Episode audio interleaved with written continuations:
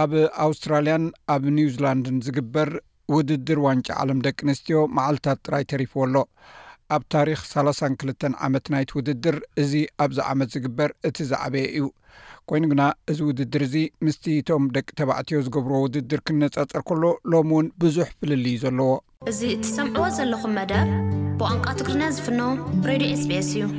ዋንጫ ዓለም ደቂ ኣንስትዮ ክጅመር ቀሪቡ ኣሎ።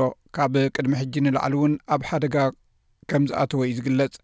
ኣብዚ ዓመት እዚ ሳላሳን ክልተን ጋንታታት ዝጻወታ ኮይነን ክልተ ሚእትን ዕስራን ሽዱሽተን ሚልዮን ዶላር ዝዋግኡ ናይ ሽልማት ግንዖ ንምርካብ ይወዳደራ ኣለዋ። እዚ ካብቲ ኣብ ክልተ ሽሕን ዓሰርተ ትሽዓተን ዝነበረ ናይ ኣርብዓን ሓሙሽተን ሚልዮን ዶላር ዝበዝሐ እዩ። እንተኾነ ካብቲ ሽዱሽተ ሚእትን ሓምሳን ሽዱሽተን ሚልዮን ዶላር ኣብ ቀጠር ዝተገብረ ናይ ተባዕትዮ ግጥም ሓደ ሲሶ ጥራይ እዩ። ናይ ፊፋ ፕረዚደንት ጂያኒ ኢንፋንቲኖ እዚ ዝኾነሉ ናይዚ ተሓተትቲ ናይ ኣውሮጳውያን ሚድያታት ምዃኑ ይወቅስ። They make us offers of ካብ ዓሰርተ ክሳብ ሚእቲ እፅፊ ንታሕቲ ናይ ደቂ ኣንስትዮ ፅዋዕ ዓለም ከም እንረክብ ይገብሩና ኣለው። ሚእቲ ዕፅፊ ዝወሓደ ቁጠባዊ ትርጉም የብሉን፣ ምኽንያቱ እቲ ናይ ምርኣይ ኣሃዛት ኣብኡ እዩ ዘሎ። ምናልባት ኣብ ኣውስትራልያን ኒውዚላንድን ይግበር ስለ ዘሎ ኣብቲ ዘድሊ እዋን ወይ ፕራይም ታይም ኣይመሓላለፍን ስለ ዝኾነ እዩ።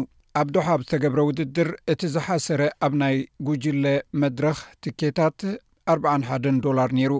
ኣብ መወዳእታ ጸወታ ንምእታው ልዕሊ ክልተ ሽሕን ኣርባዕተ ሚእትን ዶላር ይኽፈል ነይሩ። እቲ ናይ ደቂ ኣንስትዮ ውድድር ዝያዳ ንኹሉ ክፉት እዩ። ኣብ ናይ ጉጅለ መድረኽ ጸወታ ንሓደ ትኬት ብዓሰርተ ዶላር እዩ ዝጅምር። እቲ ኣብ ናይ መወዳእታ ዝግበር ጸወታ እቲ ዝኸበረ ትኬት ሚእትን ዕስራን ዶላር ጥራይ እዩ። ካብቲ ኣብ ቀጠር ዝተሸጠ ሰለስተ ሚልዮን ብዝሒ ቲኬታት ክወዳደር ከሎ ኣብዚ ሎሚ ዝግበር ናይ ደቂ ኣንስትዮ ውድድር ሓደ ነጥቢ ክልተ ሚልዮን እኳ እንተኾነ እዚ ኣብ ታሪኽ ውድድር ደቂ ኣንስትዮ እቲ ዝለዓለ ምዃኑ እዩ ዝግለጽ ግሬስ ጊል ናይ ኩዕሶ እግሪ ኮመንታተርን ናይ ቀደም ተጻዋቲት ማቲልዳ ስንያ። ነቲ ኣብ ኣውስትራልያን ኒውዚላንድን ዝካየድ ዋንጫ ዓለም ደቂ ኣንስትዮ ፊፋ ልዕሊ ሓደ ሚልዮን ቲኬት ምሻጥ ማለት ልዕሊ ኩሉ ትፅቢትታትናን ሕልምታትናን እዩ ብርግፅ ማቲልዳስን ኣብ ኣህጉራዊ ኩዕሶ እግሪ ዘለዎም ዕብትን ብዙሓት ሰባት ንሃገራዊት ጋንታና ብምድጋፍ ዝሰርሑ ክንርኢ ፀኒሕና ኢና ገለ ካብዞም ሕጂ ስማት ገዛ ዝኾኑ ዘለዉ ተጻወቲ ምርኣይ ድማ ኣገዳሲ እዩ። ብወገን ኣኣንገድቲ ናይ ቀጠር ንውድድር ዋንጫ ዓለም ንምድላው ማለት ንስቴድዮም፣ ንመገድታት፣ ንህዝባዊ መጓዓዝያ እንተላይ ንከተማ ሉስል ንምድላው ሰለስተ ሚእትን ዕስራን ሸሞንተን ቢልዮን ዶላር ወዲኡ።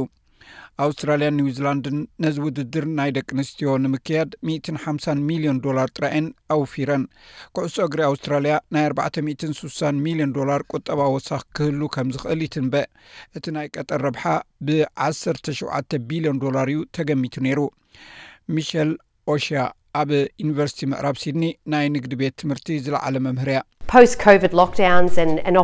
እዚ ድሕረ ዕጽዋ ናይ ኮቪድ ወጺእና ሓጎስካ ንምግላጽ ዘኽእል ኣጋጣሚ እዩ።